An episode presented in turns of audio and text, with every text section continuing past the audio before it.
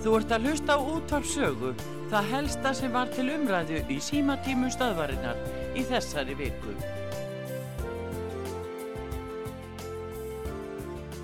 Góðan dag, hver er það?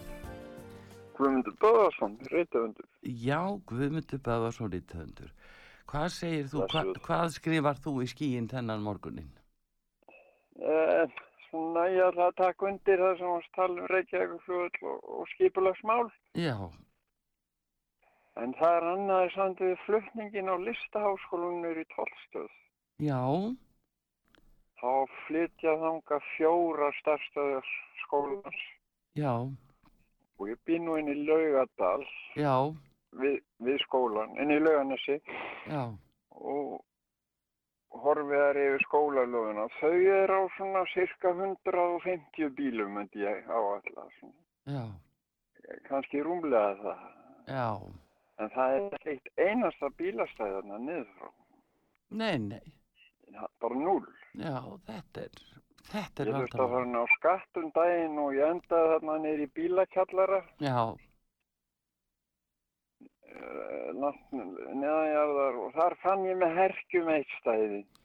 já, það er Og nefnilega, þá var eftir að taka liftu upp og, og, og lappa. já, já, Og þeir að flytja fjóra svona starfstöðar hérna niður til. Þau eru öll á bíl. já. Þetta er, þetta er vandamálið. Það, það, þetta bara gleymist, þetta bara gleymist eða ég menna menna allast bara til þess að fólk, eh, fólk sé bara á, já, teimur jáfljótum. Það, þetta er alveg dæmis, það er sem gleymi hvers konar veðrátta er á Íslandi. Þetta sleppur til og sumrin og svona kannski. Já, en er nokkuð skólastarf á sumrin? Ekki á veturna. Fólk er ekki svo mikið á hjólum. Nei. Já, það verður fróðlegt að fylgjast með því. Já, þetta er náttúrulega ofbóðslega forræðishyggja að ætla fólki það að, að vera bara á teimur jafnfljótum og, og eða á reyðhjóli, þetta er náttúrulega ekki tægt, sko. Já, er erfitt með gang og það er bara ekki eitt einasta bílastæðana niður frá. Nei, Ekki neitt. nei, það er akkurat, það var gott og bendir á þetta. Uh, Það, það var uh, mjög gott, en þetta er greinilega fyrir hugað, sko. Já, þetta- er, þetta er algjört hugsunarleysi. Já, já, þetta er forræðishyggjan. Þetta er Það var sem var okkar að segja. Já, komdu með eitthvað, fleira? Já, sko, þessi borgarlína, Já, ég er nú gammal strætóbílstjóri. Já, og finn, held ég að við óvenju góða yfirsýn um hvað þetta er vitlaus hugmynd. já, Hvað er búið að fara illa með hennar strætórekstur síðan að SFFR var lagt af 2005 já, og öllu leiðakerfinu breytt og allt eðilagt. já, Og síðan þá 2005 er búið að eða held, ég bara veit ég hver upphæðin er. Stanslösa leiðakerfisbreytingar og breytingar og öllu, þetta kostar alveg miljardar sko. já, Og fækka farþjónu. Fólk röklaðist bara frá þessu. sko. Endalösu breytingar. já, Já, já, ég ætla ekki að segja meira um það. Já, já. já, þakka þér fyrir Guðmundur. Já, blessaður.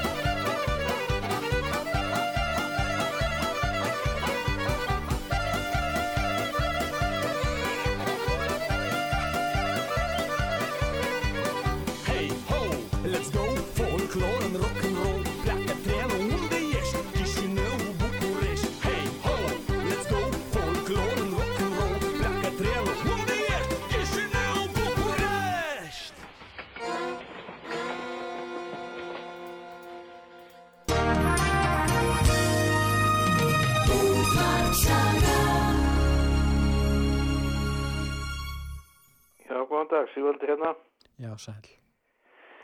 Herri, nú er svo uh, mikil eðsla í kortunum Já, og það er nú, ég get bent á tvær leiðir til að spara. Það er já, hérna að hætta við borgarlínuna og hafa flugvöllin á sínum stað. já, Þetta kostar ekkit annað en að bara að fólk þarf að kjósa öðruvísi núna á næstu helgi. Já, hvað myndi nýr flugvöld að kosta? 200 miljardar og hvað kostar ný borga eða borgarlínan 120? Erum við að tala um framkvæmdir upp á 300-400 miljardar í viðbót? Já, já, Ha, erum við að gera það? já og það, það má svo hæglega spara þetta bara með hérna atkvæðagreyslu. Já, já, já, já.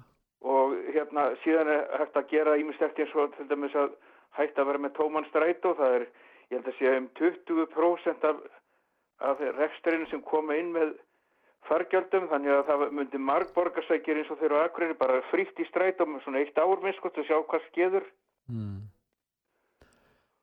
En e, gera mennst sko, nú er verðbólgan aukast og nú þarf að fara að spara. Það á ekki bara við, eh, sko, almenningur og fjölskyldur eru neittar til þess vegna verðbólgunar, það liggur í augum uppi. En það þarf líka, ofinberir aðlar þurfu einning að gera það sérstaklega. Og, en það þeir, bara, og þeir fara inn, borgarstjórnarkostningar það er bara verið að gerast með hérna atkvæðagreyslu en ef það fara út í, í þessar framkvæmdir, borgarlínu og, og flugvöllin og annað, það mun það stór auka þenslu og sem þegar er fyrir hendi og síðan myndi það kynda undir frekari verðbólgu. Það er, er verið að auka eftirspurð þarna með, með þessum framkvæmdum. Þannig að ég það- skil ekki almennilega, akkur, akkur er ekki eh, borgarstjórn bent á það að borgarstjórnin í Reykjavík er ekkit undanskilin því að leggja sitt að mörgum til þess að efnahagur í Íslandi sé stokkalegum stöðuleika. Já, já, já, já. En svo er alltaf einhverju sem er að þvæla með það að sé alveg hægt að setja flugvöll í kvassarhaun, þá myndi ég telja það algjörlega, algjört glabræði vegna þess að það er ekkert ofmikið um, um fest neysluvatn, en vassleysuströndin, hún dregur nafsitt ekki af vassleysi heldur, það leysist vatn þarna víða undan hraununum, hreint og gott vatn, og ef það settu flugvöllur tróðið einhver staðar í, í, í misvindana og vittlisuna að þá myndi koma afísingavöku og óþöri og þá er þessi vassból, framtíðar vassból ónýtt. Já, já, svo er það líka. Það verður aðtöða það, ég veit ekki, það þurfti bara að rannsaka hva, hversu mikið vatn er þetta fá þarna undan raununum. Það segja það nú margir sem eru sérfræðingar í flugi, það verður aldrei, eh, hérna, þetta mannvirki hug, fyrir hugaða í kvassa rauninu verður aldrei reist. Já, ég, held það líka, bara það þarf að s- s- slökka þessar rattir sem er alltaf að gjamma með þetta, þessa vittlisu. Já. Það þarf að skrúa fyrir það En manni- með, með góðum rökum. Já, sko, þegar að svona um hagkvæma framkvæmdir er ræðum, svo sundabraut, þá er því frestað. En svo er farið út í alls konar framkvæmdir sem skila litla af sér, mér sko, tekur langan tíma. Af hverju er geta, gætu menn verið fylgjandi því að fresta sundabraut og þar með að opna fyrir kjalanisvæðið og þar með byggingalóðir þar í stórum stíl. Það, það myndi gjör breyta stöðunni og auk þess að draga úr álæginu á, á bo- borginni umferðina á ákveðnum stöðum hér. Ef, ef, Það myndi, það myndi gjörbreyta. af hverju vilja menn þetta ekki? Af hverju, af hverju menn að tefja þetta? Ég, það er nú spurning. En ég sá að viðreist sem að hefur lítið heyrst varðandi sundabrautina, nú er þeir, þeirra helsta ko- kosningamál að leggja núna sundabrautin allt í einu. Þeir finna fyrir því, viðreist, að þetta er það sem fólki sér að á að gera og að þetta er hagkvæmt. Þannig að loksins eru þeir konur á þá línu, það er vísa orðið svolítið seint, en enga síður sko og spurningin að hvað miklu leiti það er að marka, en þetta er svona rétt fyrir kostingar. En þetta, finnst eru- mér vera þetta eru stóra... bara- Þeir hafa bara ekki fundið fleiri dagdrauma þá ætla þeir að nota þetta. Já, svo er það fjár... það dagdrauma að, að styð- styðja dag og, og allt, allt sem hann vil gera. En það er auðvitað fjárhægur en það þarf að hætta að ráða fólk þarna, það þarf að draga verulega saman og, og hérna, það verður bara að gera það til þess að bjarga fjárhæg borgarina næstu fjögur árin og bara viðu kenna það. Og, og það er svo, borgin hefur miklar tekjur, það er hægt að hægraða þessu á margvíslegan hátt og hérna, það þarf að leggja höfuð áslu og koma fram með stefnum það, núna mér finnst uh, vanta hjá mörgum flokkum og kannski flestum að vera með heilstæða og raukstutta stefnu um fjármála framtíð Reykjavíkuborg. Já, við kjó- kjósendur verðum bara að sjá til þess að, að, að þetta fari á, á betri veg. Þetta er í okkar höndum núna. Takk að þið fyrir. Já, takk.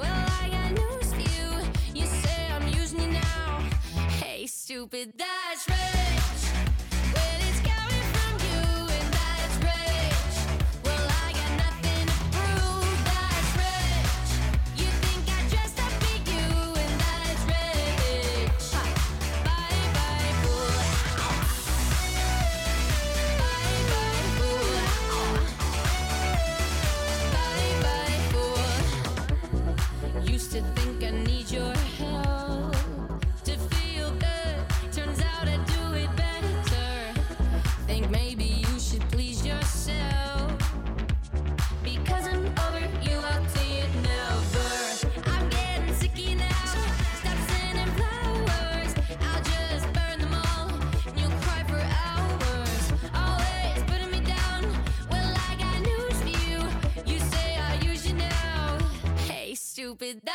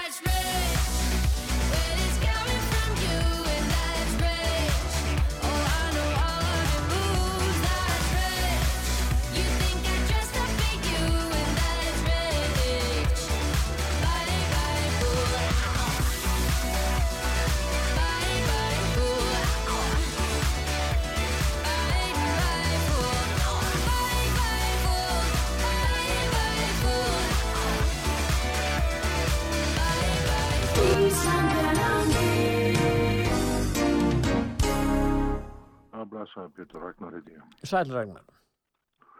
Heyrðu, ég ætla nú að byrja á því að taka undir með artrúðiðan í morgun Já, með hennar listaháskóla.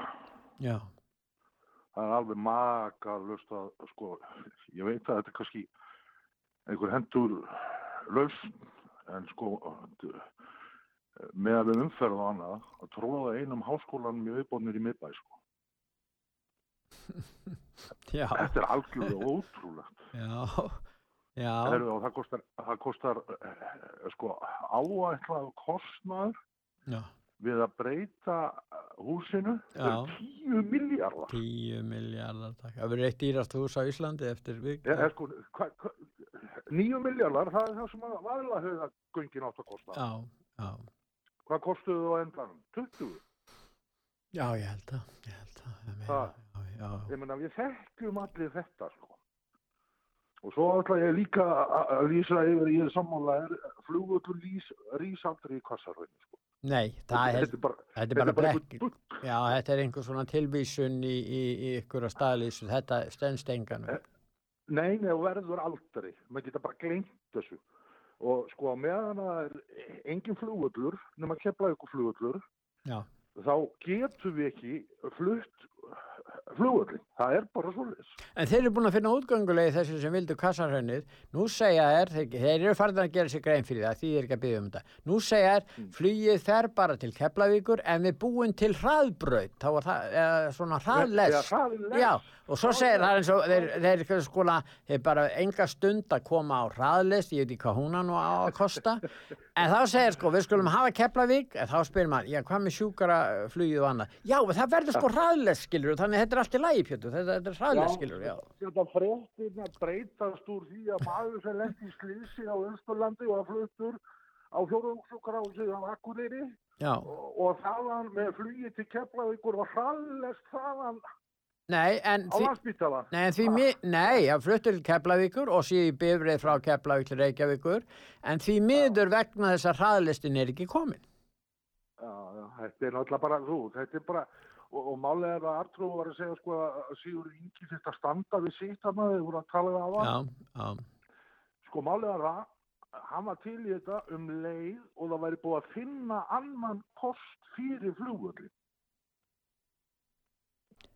Skilur, Já. samkomulagi hljóðar þannig já, já, já, og það er ekki búið. Þannig að þá, þá, þá verður bara samkomulagi að standa. Sko. En þegar að borgin er í svona mikilli fjármálakreppu, verður ekki alltaf að velja hagkvæmasta kostin? Ég meina, það er, það er hagkvæmasti kostur, er sundabrautin og ríki borgar fyrir það og það, þetta mun ekki bera sig á nokkrum árum. Það er ekki Nei, spurning sko, að hagkvæm. bara í restin á þessu Pétur að segja Já, að samfélkingin segir alltaf ef það hendar þeim þetta er vilji þjóðarinnar þetta er vilji þjóðarinnar og skoðanakannanir sína hitt og þetta. Já, það var gerð skoðanakannan í Reykjavík síðdeis um hvort flugvöldurinn ætti að vera eða fara. Já, náttúrulega á landsvísu vegna þess að þetta er ekki bara mál reykvíkinga. Sko. nei, nei, 80% vilja hafa hann það sem hann er. Já, en þá á ekki að fara eftir vilja landsmanna nei, nei, En eru, ég þýndi nú aðalega út af því að ég, ég fenn nú ekki oft inn á stundina. nei, En, en ég fór inn á hana melkina. Þá eru þið með svona greininga, svona, svona skoðanakannana greiningu. Þannig að greining þú á kostningahegðun, eða ekki? Já, eða, neða, sko, hvað þú ættir að kjósa. Já, einmitt, einmitt, Og þú svarar hann einhverju 20 spurningum og það er meðal hann að sundabraut og viltu fara í hana strax sem ég auðvitað vil. já, og viltu flugvöllin og ég vil hann. Já, og viltu hafa göngugötu og ég vil ekki hafa hana nema bara svona tímabundið svona á kannski júli og Já. kannski um jólavertíðina og eitthvað já, og svo er spurt sko viltu kyns, meiri kynsegin fræðslu í skólum? Já, já, já, sko ég, ég, ég vil hana ekkert sko, ég vil nú fyrst bara að við kennum börnunum að lesa þannig að leskilningurinn sé þokkalegur sko. Já, já, mér finnst það eiginlega aðalatrið mhm, en þegar ég var sem svona að svara svona þessum spurningum og hvort ég vildi borgarlínu, ég vil ekki borgarlínu en ég vil Nei. hins vegar túka og, og, og laga eh, strætókerfi borgarinnar Já. og, og bara stóri Reykjavíkusvæðisins. En þegar ég er búinn að svara þessu öllu, Já, og þá kemur í ljós að ég er að kjósa, já það eru þrýr flokkar, það er, miðflokkurinn er efstur, já, en svo kom það mér óvart og svo er flokkur fólksins nummer tvö. já, Svo er þarna frambóðið nýja þarna, hvað það er? Ábyrð á frelsi. Nei, ábyrg framtíð er það ekki. Ábyrð framtíð, já, jú, jú. Já, og svo sjálfstæðisflokkurinn. Já, En nú stendur maður frammi fyrir því já, að ég tel nokkuð líklegt ef ég myndi kjósa ábyrga framtíð já, og þá væri ég að henda atkvæðinu mínu. Ég, ég tel nánast óhugsand að þið náinn manni því miður. við vitum ekkert hvernig þetta þróast. Já, við, já, Nei, nei, en, ég hvað- svona kannski á þessar skoðana kannan Já, já. hafa já. Nú miðflokkurinn virðist ekki vera náinn manni með að við skoðana kannanir. Já, hann er svona, það er, Já, já, hann er á mörkunum, Já. en hugsaði þér, ef, maður myndir nú kjósa hann og hann fengi kannski sko 4% atkvæða, 5% atkvæða og næði ekki manni, já, hann duga, duga 4%. Já, já, ok, segjum þá 3,5%, Já, þá dettur þetta niður döft. jú, jú, það er alltaf átt, en það, er já, já, en það myndi líka, sko, já, já, en það er spurningu um það hvort að, að, að eh, hann, sko, eða, eða miðflokkurinn var með einn mann, eða þeir missa hann, þegar hann eina mann, þá er minni líkur á því að hægt sé að, að fá nýjan meirulhuta í raun og veru, því að kannski Já, getur það nú skipt, Sjá, við erum nú að sjá framsóknarflokkin Já. á þrjá menn. Já, já, og við, ef við segjum að flokku fólksins myndi bæta þessi manni, já, ha, já, já. ég meina það er ekkit ó, eða sko, þessi flokkar hafa ekkit verið spurðir að því. Ef meiri hlutin fellur munum þið að ræða við núverandi meira hluta um að bætast við skilur. Já, ganga frjálsir til, til hérna, á, Já, sko, óbundni óttast- til kostning. Já, það sem ég óttast það er einn af þessum andstöðuflokkum ef að meiri hlutin fellur lappi bara inn í krullið Já, það eru altså fjórir, það er sósilistaflokkurinn, niðurflokkurinn, flokkur fólksins og sjálfstæðisflokkurinn. Það er þessi Já. fjórir flokkar. Já, Og er og framsókn líka. Og Framsókn, Já, já. það eru fimm og svo kannski, já, fleiri þarna. Allavega þá, þá er spurning eins og segir hvað þeir vilja gera. Þeir ganga óbundin til kostninga, þeir hafa sagt það. en svona aðeins í restina því það er alltaf verið að tala um sundabraut Já, það er búið að tala um hana eiginlega lengur en kvalfjörðagöngi sko. já, það má segja það. það, það eru sérst eitthvað cirka 25 ár síðan að kvalfjörðagöngi voru opnuð, eitthvað svo leið Já. 25 Já, ár já, þau eru bú- margt búin að borga sér sko. já, já, já, og hugsaðu þeir á því allir hér í borginu eru að tala um kólefnisspor já. Ha, hvað heldur að þetta sé búið að spara í, í, í, í þjóðfélaginu bara sko utan við göngin sjálf bara í bensínkostnaði og, og, og, og, og kólefnisspori í 25 ár. já, já. já. Hugsaður ef við hefðum nú farið í, í hérna í, í uh, sundabrautina ég er nú ekki með nákvæma tölu allir þetta stíkt ekki um einhverja 15 kílómetra upp á til Akraina Það væri búið að spara 10 miljardar, 10 miljardar. marg sinnis kostnaðin á brunni sko. Mari, já, já, ekki nokkur vafi, Ha, ekki nokkur vafi. Va- en, en ennþá erum við að tala um þetta og þetta er sko borgar yfirvöld sem að sko eru með kólefnisspor á heilan En- og mengun En Ragnar, að lokum ekki gleyma því að það er ekkit víst þó að þeir segja núna að borgar uh, sundabröðni er koma 1931 eftir kannski Já. fjögur ár þá, uh, þá segir, já, sundabröð, já, jú, við viljum hana en hún kemur kannski 240 eitthvað svo.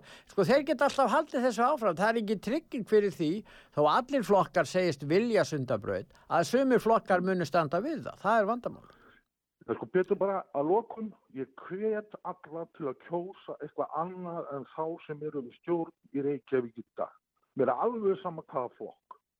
Þeir geta kosið til vinstri og þeir geta kosið til hægri og þeir geta kosið miðju.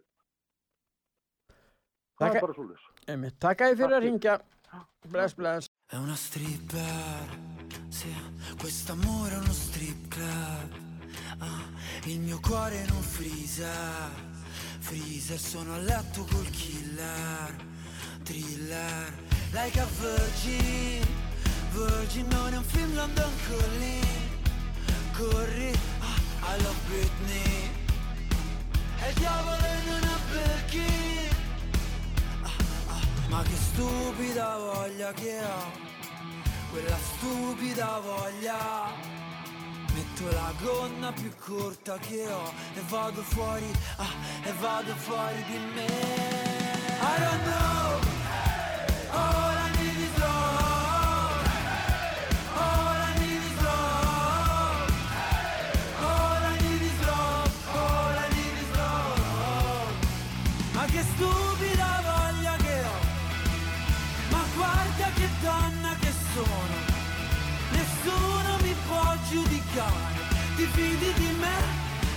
che stupido uomo.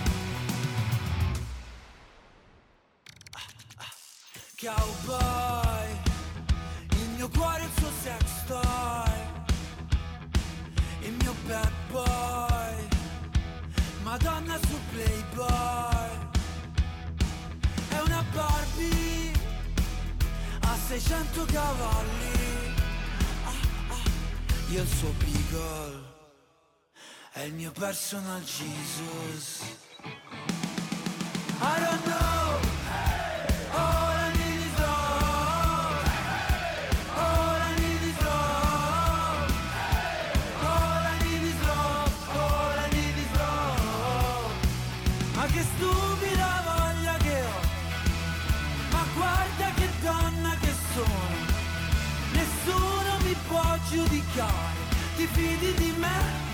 stupido uomo, ma che stupida voglia, ma che stupida voglia. Metto la gonna più corta che ho e vado fuori, ah, e vado fuori di me.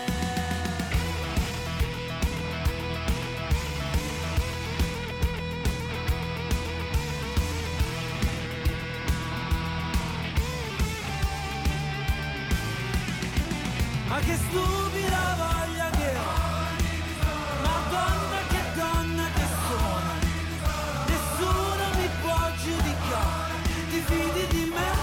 Che stupido uomo I don't know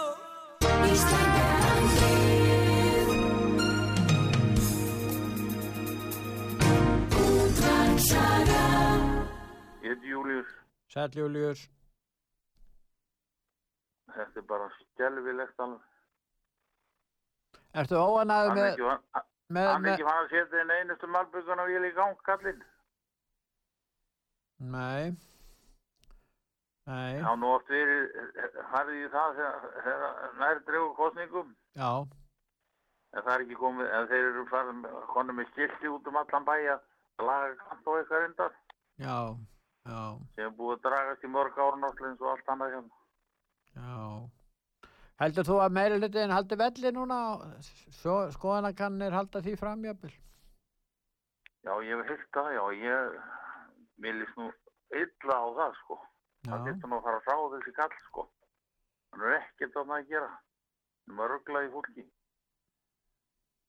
Og þetta samfélgíka fólk heldur alltaf þessi nóg til að peningum. Endalist að peningum. Nú, kjósendur ráða þessu, það eru sjö- 65-70 þúsund kjósendur sem að munu kjósa og skila gildum atkvæðum vettarlega núna á laugardaginn. Og, og þá, þá hérna, þa- þetta er langmesta vantarlega stærsti hópurinn sem hefur kosið í Reykjavík. Reykjavíkingum hefur talsvert fjölga, það eru 135.000 Reykjavíkingar og 100.000 sem kjósa. og alltaf verður ekki svona 70% af því fólki sem að kýs og, Já, sem að kemur. Já, já, þannig að, að þetta verður mjög fróðlegt að fylgjast með þessu hvað, hvað kjósendur í Reykjavík koma til með að gera. Já, það verður það. En Heldur hérna, þú að hólurnar hafi áhrif? Ég veit ekki, mér finnst ekki, það keirir bara á þessu. En þetta náttúrulega skapar óöryggi umferðin þessu helvítis hólur. Fólk er að beigja frá þessu annað þýðilegt. Já, Þetta er bara stór hættulegt. já, já, Ég tók ekki eftir myndavel á, á Grindavíkveginum á sunnudaginn. já, Þá, þá blikkaði ykkur anskotina. Ég, ég hafði að fylgjast bara með helvítis volum, já, að lendi í þessu, mm, stórskaða bílan á þessu fólki. Mér já, finnst þetta alveg hryllingur alveg. Já, það er nú það. En, Já, ég finnst það skjálfilegt alveg. Hann á ekki dyrend í þess að borgastöldum þessi kall. Ekki neitt. já, já, kjósendur ráða þessu. Mm. Já, Ef að meilhlutin heldur velli, þá verður hann áfram borgarstjóri Reykjavík. já, já, Það er já, alveg já, ljóst. já. Já, já, Hann held, heldur bara áfram að draga Dóni skítin. já, ég heyri það að þú ert Ekki ekki er að hann- dána. ekki er hann að laga brautirnir að liðka fyrir umfyrinni. Það er alveg brent fyrir það hjá hann. Nei, Alveg, sko. nei, Hann meiri sem hann farin að, hann farin að láta hérna hreinsa blómabeinin og séðavói um daginn. já, já, Það voru kallað að skrifa þær í beðunum.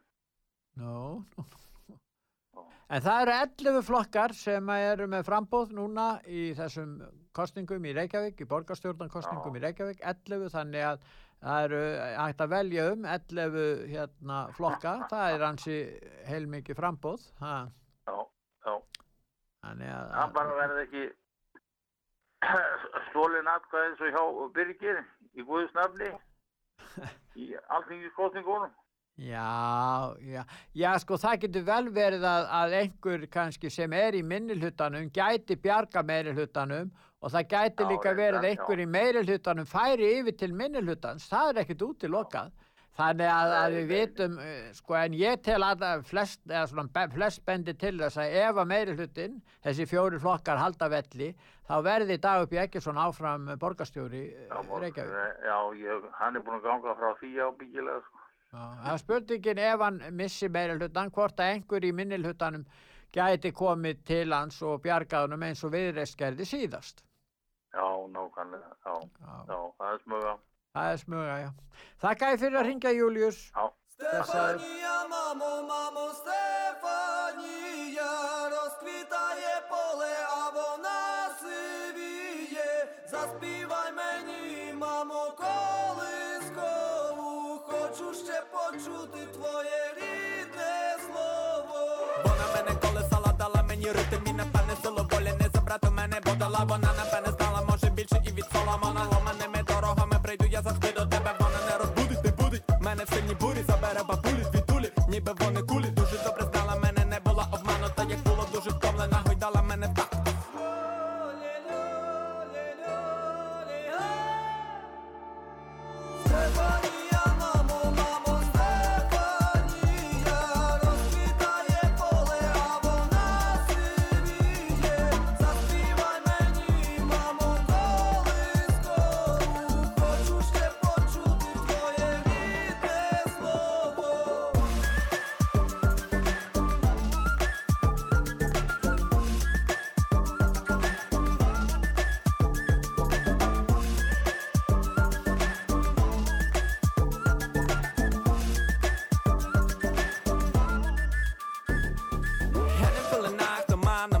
мах хватить Якби я не виріс, та виріс, а речі платить Я не мала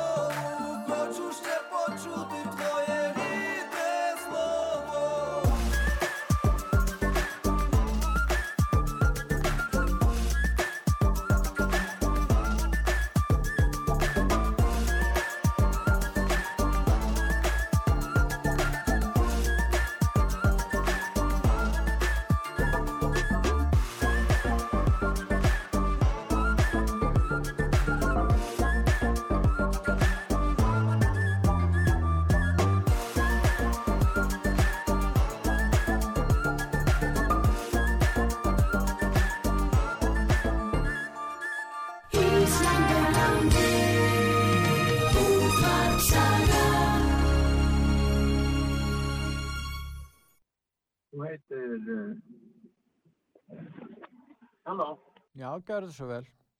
Halló. Já, halló. Góðan daginn. Góðan dag. Ég heiti Ólafur. Sæll Ólafur. En hérna, mér langaði til að aðeins að íta á þennan okkur. Já, Vi, við eigum, landsmenn eigum hennar flugvöld, ekki bara reykingar já, og fyrir utan það, þá er þetta vassmýri, já, þar sem að tekur við öllu þessu, hvað er að kalla þetta? Maður veit ekki hvað að kalla þetta helvítið strasl.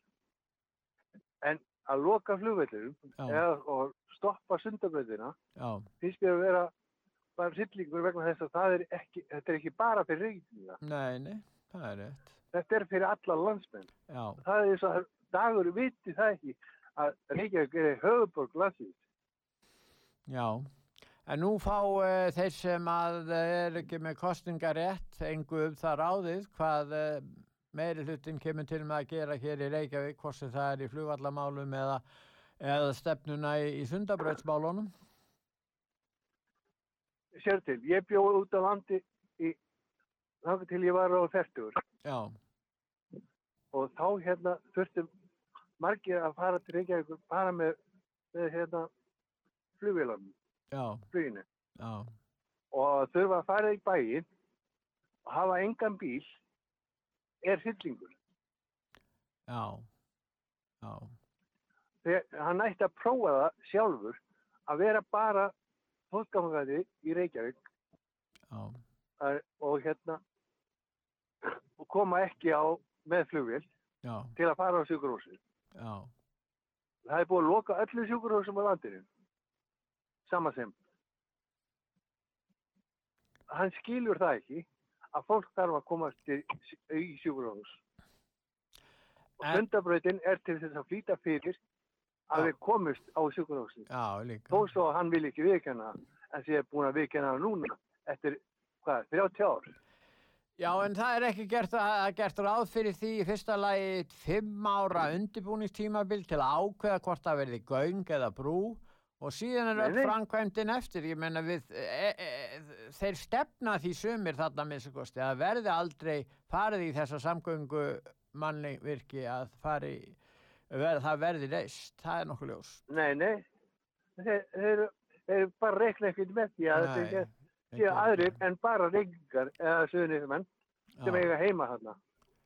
Þurfa á þessari þjónust að halda. Að þeir búið að loka öllu sjúkrúðum, öllu saman og svo bara, svo ætla, ætlast til að það bara degi sín dotti sínum á leiðinni frá kemlaðið til Reykjavíkur sem þurfa á því að halda. Og reykvingar bara verði á hjólum hér um, um borgarlínu og fari í, í Já, borgarlínuna. Þeir geta bara byggt sína bor- borgarlínu Já, en, en þeir gleyma því að þetta er, þetta er, þetta er höfuborg landsmanna, ekki ein, einu.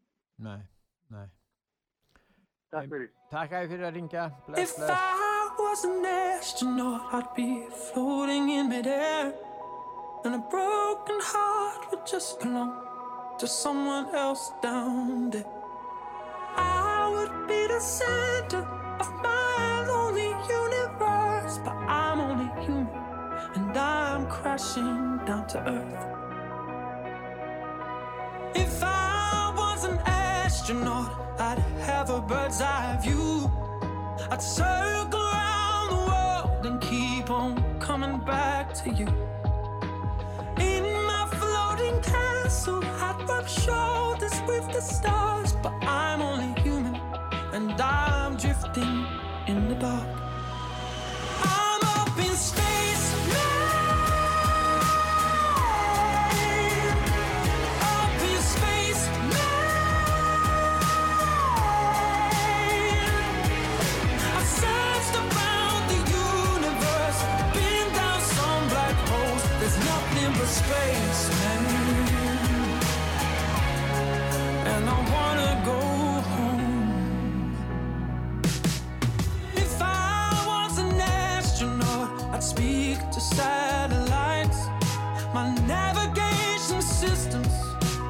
search for other life.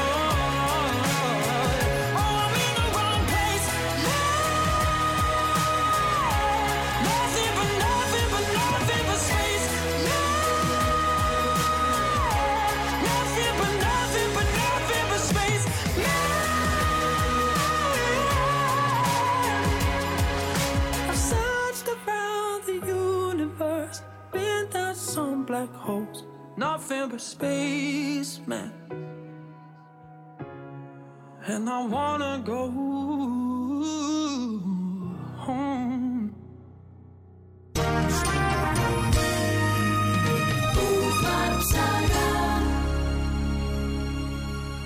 Já, góðan daginn, Pétur. Ég heiti Þórdís. Sæl og blessu Þórdís. Sæll og blessaður. Heyrðu, mig langaði að vekja aðtikli hlustanda á afar aðtiklisverði viðtali sem að ég held ég hafi heyrt á kvarti sögu svona cirka 7.30 í morgun Já. endur tekið eflaust, þá var hann þarna sem er svo frábær, hann Magnús, eða hvað heitir hann? Magnús Þór Hafsteinsson. Já, heyrðu, svaka fýtt nútvarsmaður Já, með margt. Já. Hann var með viðtal við mann sem að ég bara er ekki alveg viss hvað heitir, með skilst að þessi maður sé í frambóði núna Var hann að tala um umferðamál? Var hann að tala um Já. umferðamál? Já, Heyrðu, Ólafur. þetta, Ólafur, já. Ómar, heitir hann Ómar Ármannsson?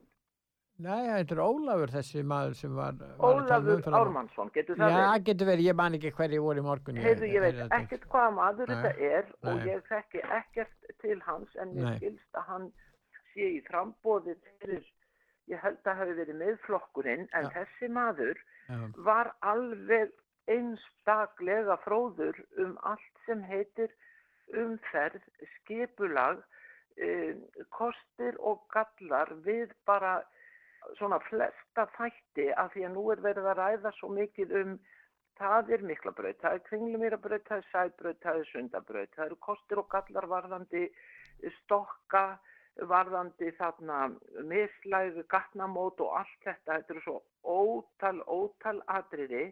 Ég hef aldrei áður heyrt neina vitræna umræðu frá einhverjum sem að gjör þekkir þetta og er búin að stúdera þetta frá öðrum löndum og ég bara mæli með að þið útvarpi þessu viðtali mér líkur að segja í allan dag. Þetta Já, er sko, mjög þetta- áhugavert. þessi maður heitir Ólafur Og það sem að mér fannst, Já, sko mér fannst svo margir póstar í þessu áhugaverðir. Hann talar til dæmis um það að sem að hann er að tala náttúrulega um þessa hrikalegu borgarlínu sem að, að öllum bara fyllir við að fá hérna 20-30 metra eða 50, ég veit ekki hvað eiga að vera langir þessir stóru liðu vagnar, þetta er allt og stórt dæmi fyrir Reykjavík, hún berð þetta engan veginn en hann mælti með að það yrði skoðuð ný ljósastýringatækni sem myndi kosta 1-2 miljardar og væri notuð í Skandinavíu og nákvæmlega Hún- hann segir að þessi ljósastýringatækni myndi mögulega, ekki bara mögulega, hann sagði bara hún myndi geta gerbreytt öllu umferðarflæði á höfuborgarsvæðinu. Þá eru bara skinjarar sem nema alla umferð og alla reyfingu og allt. Þannig að umferðin er ekki endalust að sko stoppa nema þörf sé á og einhver ætli yfir sem sagt gangandi. Annars er bara keirt einhvern veginn áfram. Ég er nú ekki tækni góð í tækninni nema síður sé. En þetta fannst mér afskaplega áhugavert og hann var að tala um þessa tækni ásamt því að það eru gerð tilraun í eitt, eitt ár um hérna að það eru frýtt í vagna á tíu mínútna fresti og það eru litlir sko smávagnar eða léttvagnar sem að færu inn í hverfin. Mér dettur alltaf í hug þegar ég var krakki, þá voru bara leiðakerfin 1, 2, 3, 4, 5 og svo framvegis og maður komst allra sinna ferða, bæði börn og fullornir. Í dag aftur á móti er það þannig að það er eiginlega broslegt þegar það er verið að tala um aldraða í Reykjavík, broslegt innan gæsalappa skulum við segja, þegar það er verið að tala um aldraða og strætisvagna í Reykjavík. Málið er það, strætisvagnarnir sem hafa verið keittir, þeir eru þannig að sætin fremst þegar þú gengur inn í vagnin, þau eru það há að þú þarft helst að vera góður sko klifrari eða fimmleikamaður til að geta sest í þau sæti. það er stórhættulegt að vera á ferðinni sko standalaus í vögnunum Mm. og í gamla daga voru þetta bara lítil þægileg sæti létt sem að voru nála bílstjórunum. Já. Nú eru þetta bara einhverjir rampar fyrir eitthvað dót og ekkert notað og svo þarftu bara að klifra í fremstu sætin alveg þangað út komin að sætaröð kannski þrjú, fjögur, fimm. Þetta er bara stór hættulegt að mínu mati. En það ekkert aldrað fólks í sjáanlegt í vögnunum. Og ég tek hérna mjög mikið strætisvagna í Reykjavík og eru auðvitað misfreytt á því að þurfa sko, ef maður missir af þeim á ákveðnum tímum, þá eru hálftími öll kvöld og, og á ákveðnum tímum dagsins og þetta er náttúrulega ekki nógu gott að býða úti í kvölda og trekki í 30 mínútur oft á tíðum yfir vetturinn. Mm. En, en þarna, mér langar já að, sagt, eh, að já, hann, þetta var sem sagt það sem hann rætti á samtí að hann er búin að stúdera allt varðandi göngin og stopp, stokkana, kosti og galla og nú er náttúrulega margir, eru margir farnir að hafa áhyggjur af umferðarflæðinu þarna þegar að nýji landsbítalinn verður komin. Já, Þá er svona spurning hvernig þetta allt saman á eftir að ganga og verða og svo var annað sem hann rætti líka að það væri ekki hægt að ráðast í þetta allt saman. Far á umferðin að vera meðan allt er hér grafið upp annars vegar ef það væri borgarlínan, hins vegar ef að það væri hérna, ef að það væri verið að setja hlutina í stokka. Hvert á umferðin að fara? Hann talar um hérna að það þurft að hleypa eh, niður á sæbraut sko þannig að það virði að gera þetta allt í sikkuru lægi og skipilegja þetta. Ég mæli með því að ráðamenn hér fái þennan mann til að teikna upp nýtt skipulag fyrir Reykjavík. Þú ert að tala um- Þórdís. maður hefur já, en þetta er í eina skipti sem ég heyri við yttræna umræðu um þessi mál frá manni sem að virðist hafa bæði dvalið erlendis og kynnt sér þessa hluti í öðrum löndum Mm. og, og ég bara var alveg eiginlega gapandi yfir því hvað hann var hérna brætt varðandi þessi mál og hann hérna klára á þessu sviði og hann nefndi auðvitað flugvöllin og svo framvegis og Mm. ég er endar sammála þessum síðasta ræðumanni hjá þér að auðvitað væri Ómar Ragnarsson að væri gott að, að hlusta á Ómar og svo þá flugmenn sem hafa flóið hér í langan tíma en ekki fólk sem að sitja við skrifborð niður í þingi eða eitthvað staðar út um borg og bí. Þannig mér finnst þessi mál vera að verða öll alveg svakalega aðkallandi hér í borginni og af hverju ekki að hlusta á þá sem hafa eitthvað vita á málunum. en bara þú ert að, þú ert að viðtölum vísa í, í síðdeis útvarpi, þú ert að vísa í þátt Magnúsa Þórs að Hafsteinssonar sem var, já, hann í var í morgun. gær, já, hann var í gær þessi þáttur og var endurfluttur í morgun og þessi maður sem Já. þú talar um heitir Ólafur K.R. Guðmundsson, hann er umferða sérfræðingur. Hann er svakalega flinkur en það er nú eins og það er á Íslandi. Það er ekki hlustað á þá sem hafa þekkinguna, námið að baki og þekkinguna. Það er ákveðin tilneying til þess en nú segi ég ekki meira bull bara ráðamenn þessara þjóðar og borgar, hvort sem það eru borgar hérna, borgarapparatið eða, eða alþingi. Fá þennan mann til að móta stefnu. Þeir sem vilja skoða það geta farið inn á vefsíðun okkar, útvarsaga.is og þar er einmitt Já. grein, borgarstjórnarflokkarnir hafa sínt að þeir vilja ekki sundabraut, segir hann, hafa þegar eðurlagt vegstæð um Gufunes og þar er viðtalið við hann og útdráttur úr þættinu þannig að fyrir þá sem vilja horfa á þetta geta farið inn á vefsíðun okkar útvarsaga.is. Já, en ég tek því fram að ég sko er ekki að þingja og agitera fyrir einum eða öðrum flokki, ég er bara að vekja aðtikli á því Já. að þessi maður hefur sín sem að engin annar, allavega sem ég hef heilt í, hefur. Þannig ég mæli með því að það verður hlusta meira á þennan mann í framtíðinni. Þakka ég fyrir Þórdís.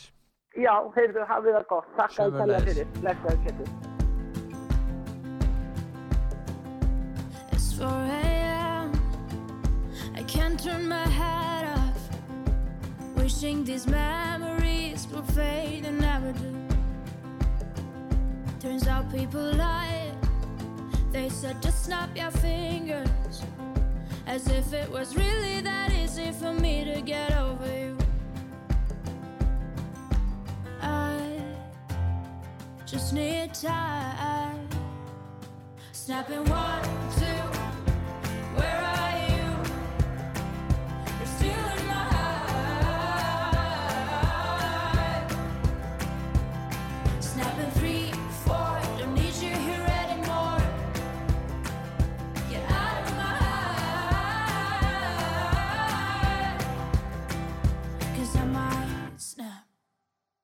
I'm writing a song. Said this is the last one. How many last songs are left? I'm losing count. Since June 22nd, my heart's been on fire. I've been spending my nights in the rain trying to put it out. So I'm snapping one, two.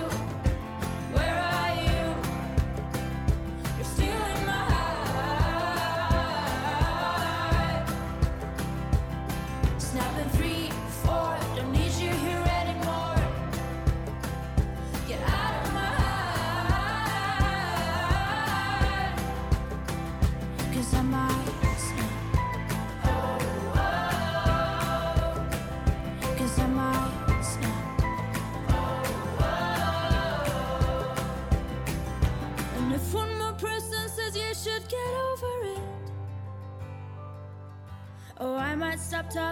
People before I snap, snap, snap.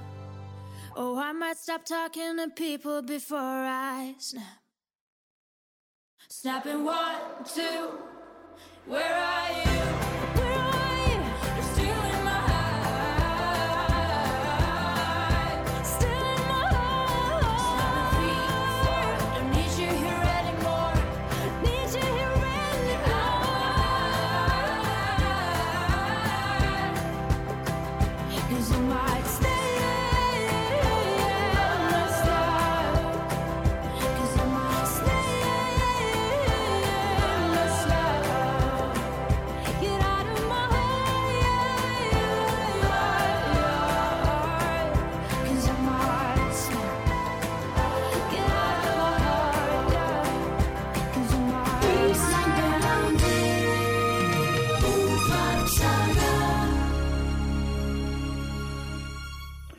Góðan dag, Kjartan heiti ég. Sælkartan. Um, Mér þótti aðtiklisvert í kappræðunum í sjónvarpinu, hvað í gerðkvöldi fyrirkvöld, Já. að eh, fulltrúi vinstri græna virtist vera algjörlega á, á móti sundabrautinni. Já, ég tók eftir því. Að um, hún vildi meina uh, að þetta væri mjög vafasum uh, framkvæm vegna þess að það myndi auka á uh, umferðina. Já. Þannig að það virðist sem eh, vinstri grænir séu hérna, aðal pappin varðandi samgöngumáli í Reykjavík. Maður hefur haldið að það væri kannski dagur og samfélkingi. Nei, það virðist vera vinstri grænir. Varðandi sundabrautinu, já, það er rétt. Varðandi sundabröðin. Og að sumu leiti pírata líka. Já, og það var svolítið merkilegt sem að hún sagði að það þurfti að rannsaka það hvort að, hérna, e, hvort að þetta myndi ekki kosta aukna umferð. Já, já. og þar með meiri mengun. En hún átti sér ekki á því að með því að, not, að fá sundabrautina að þá styttast uh, axtusleiðirnar verulega, Já, stoppin verða minni, já, útblásturinn verður minni. já. Þannig að ég, ég, ég, ég skil ekki af hverju uh, vinstri grænir taka þessa afstöðu.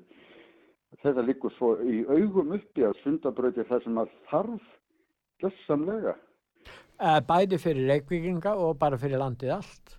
Og- ég Nú, bara er Akranes til dæmis, þeir sem að búa á Já. Kalanesi, Akranes, þetta myndi gjörbreyta ástandinu þarna, það er þið miklu blómlegri sveitarfélag þarna og- byggð þarna svæðinu, það, það myndi gjörbreyta til lengri tíma, þetta tækir náttúrulega tíma. En þetta er Já. sorglegt, þetta er, eh, þetta er besta fjárfesting í samgöngumálum í Íslandsögunni, það er, það er alveg óhætt að segja það. Já, og e, það sem að kona hvað í gær var að tala um e, alla þessar þungaflutningar sem að fara í gegnum Moselsbæin. Já, já, Þetta, þetta, er, þetta er gríðalegt magn já, og e, sko þetta, eitna, þetta myndi eitna, lifta Moselsbæ upp að þeir fengi að vera þarna í friði bara sem sælu reytur Já. lausir við alla þessi trafík. já, já og þeir eru að fara að byggja hérna stór hverfi í Mórsfjölsbæ þannig að þeir hljóta að berjast fyrir því að fá sundabröytin en ég býst við því en ef það eru erfáður einstaklingar sem geta stöðvað þetta og hefur tekist það tekist að stöðvað þetta núna í ára tíu þá er þetta grav alvarlegt mál ekki bara fyrir samgöngur hér á höfuborgarsvæðinu heldur bara fyrir líðræðislega hagsmunni bara fyrir landið allt. Já. Já. það var ekki annar pítur Takk að ég fyrir að ringa kjartan. Pleasure. Pleasure. Let's go.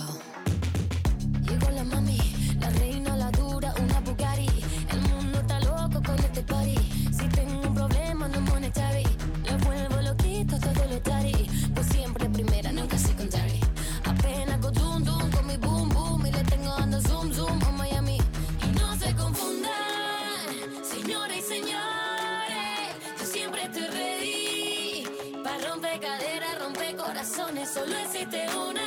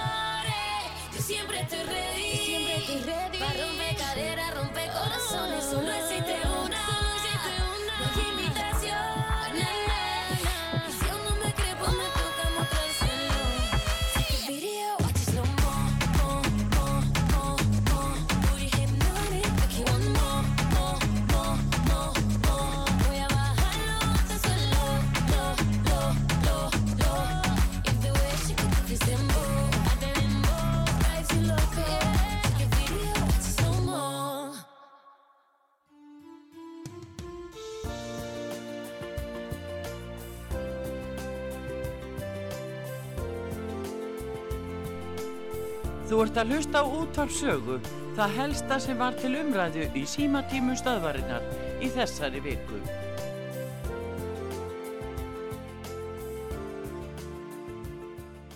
Guðmundur heiti ég. Sæl Guðmundur. Ég er kópáðsbúi. Já. Ég herði umræðin áðan um kópáðin. Já. Mér finnst þess að þessi viðinni kópáðs vera bara að spá í pamborgarsvæðið. Já, ég held... Það er eins og þið séu ekki að spá í önnur hverfi kópáðs. Nei. Hvað finnst þér um þetta? Kórakverfið og, og blera. Hvað finnst þér um þetta sem vinnir Kópavórs er að segja? Hvaða skoðan hefur átt í?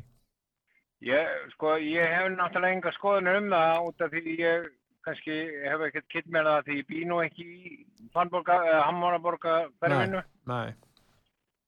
En það sem ég hef hitt, þá er alveg mjög gott. Svo hún Helga, hún er alveg segja alveg mjög, mjög rétt sko en hún verður náttúrulega átt að segja að því líka það eru flerri hverfi kópói. Já, hefur eitthvað sérstætt hverfi í huga núna? Til dæmis kórakverfi og vassendakverfi. Já. Þá varum daginn, þá náðu bílaröðin frá salaskóla Já. og alveg upp að auðkverfi. Já, bíl við bíl við bíl og þar reyfum við ekki umferðin. Við erum að býða eftir til dæmis nýja Arnarnasveginum og hann er nú komin á skipulag bæði hjá Reykjavík og Kópúi þetta er saminuverkefni millir þeirra Já. en mér finnst að þetta er líka einblýna daldi mikið á leikskólana Já e, Er, er einhver ágreiningur um leikskólamáli þetta í Kópavegi heldur?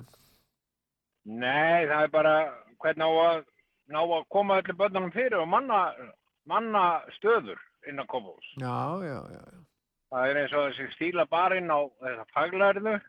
Já en ekki ófælærða því að leikskólanir þurfa líka að vera með ófælærða sem er ekki búin að, sem er ekki búin að fara í nám. já, það vantar starfsfólk. Já. Já. Já, já. Og en, en sko eins og með frambórslistana það eru náttúrulega mikið endurnýjun í Kópavóin. Já, já, já. Og hvað Það er hérna, það er endurnýjun innan flokkana, er það ekki? Jó, framsókn er að skipta, reyndar er Óli að koma tilbaka hjá vinstu grænum. Já, að vísu, já, já. Hann er að koma aftur heim eins og sagt er. Já, hann var þingmaður. Já, já. En En Það er mikil náttúrulega endurnýjun hjá sjálfstæðisflokknum? það er einn af eldri sem er í frambóði, fyrstum átta. Já, það er nýr oddviti. Hvað með þennan, oddviti. hvað með þennan, þessa konu sem var í sjálfstæðisflokknum og er komin yfir í, í miðflokkin?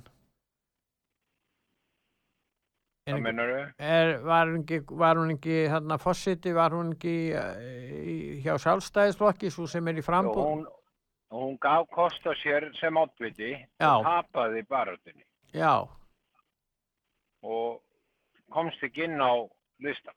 Nei, En það var eiginlega hafna af sjálfstæðismönnum í Kópavís. já, já, einmitt.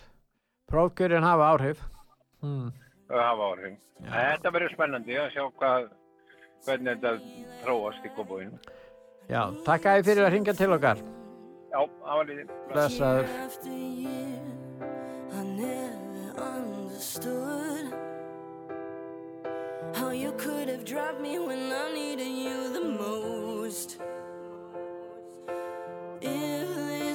one.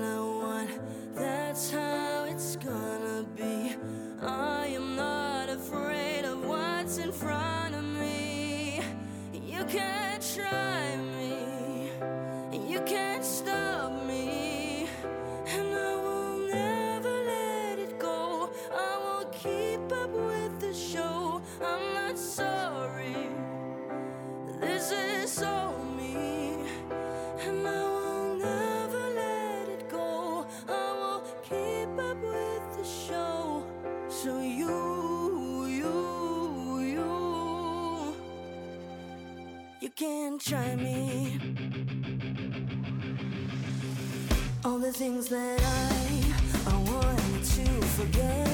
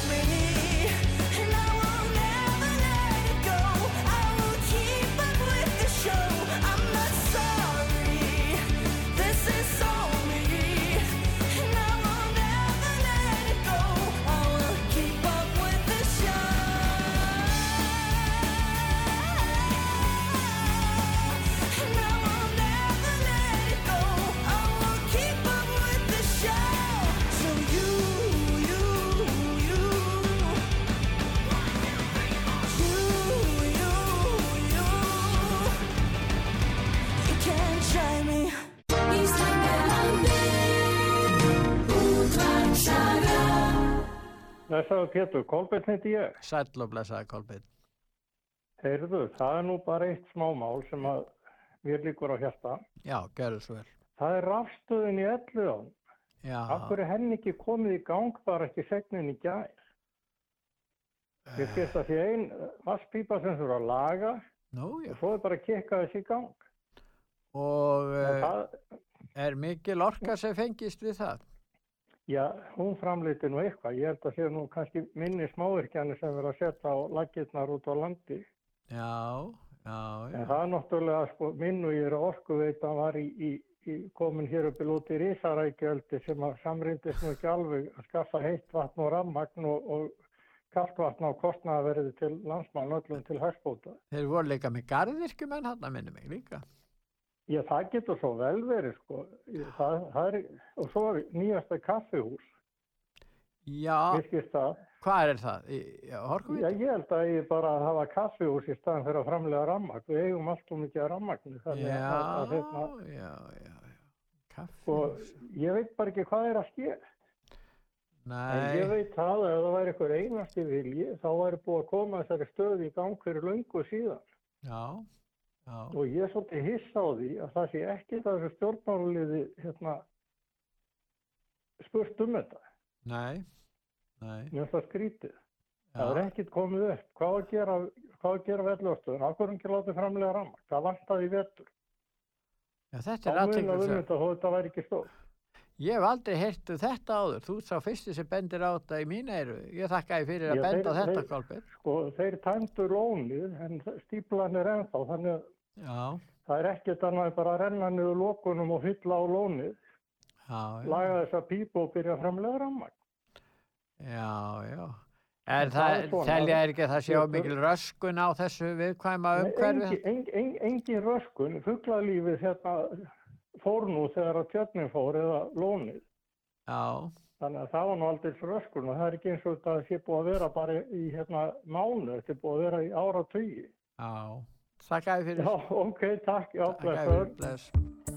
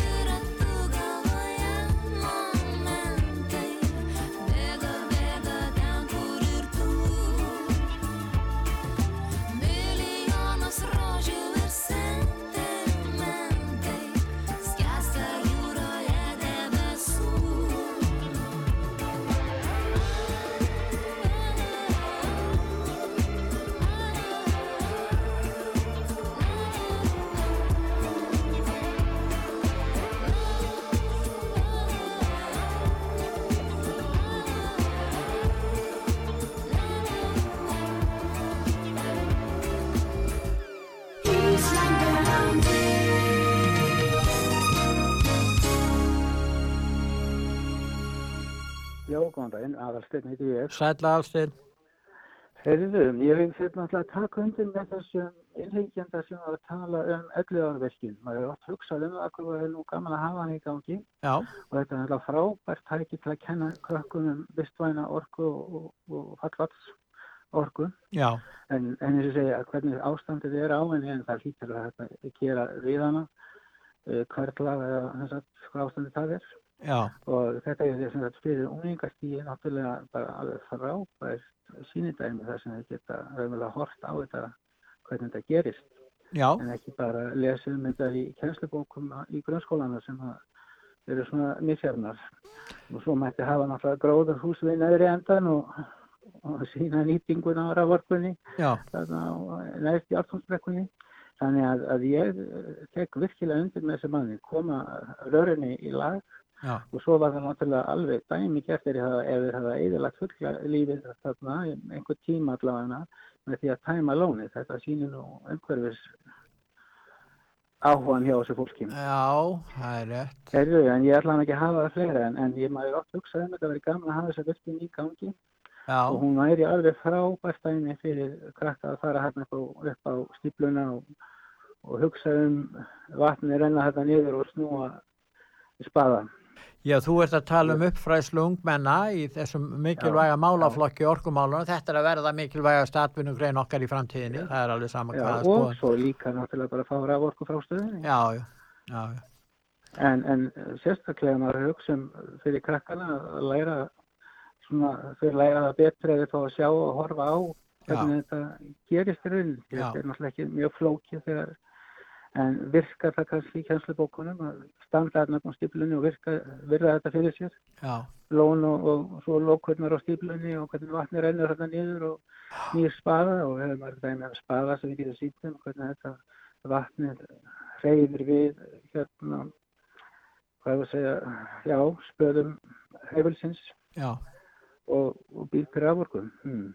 Já, þetta er ágætt, þetta er góð hugmynd hjá honum og þér að benda á þetta. Ég, gott, gott, gott að, að góð ábending, þakka fyrir það. Þannig læra að krakka til best Þakka þið fyrir. Þakka þið fyrir aðstætt, blessaður.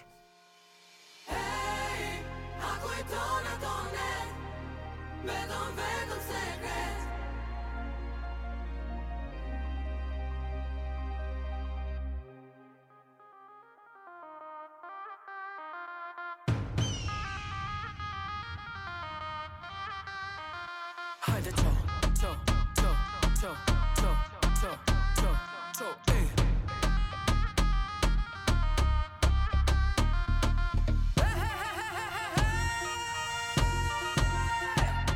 Go! En darling av malet And it came here to find it. Going mad when I whine it. Come baby, come put my hands on your body. Come on closer to me, me Cause I love when you're near, near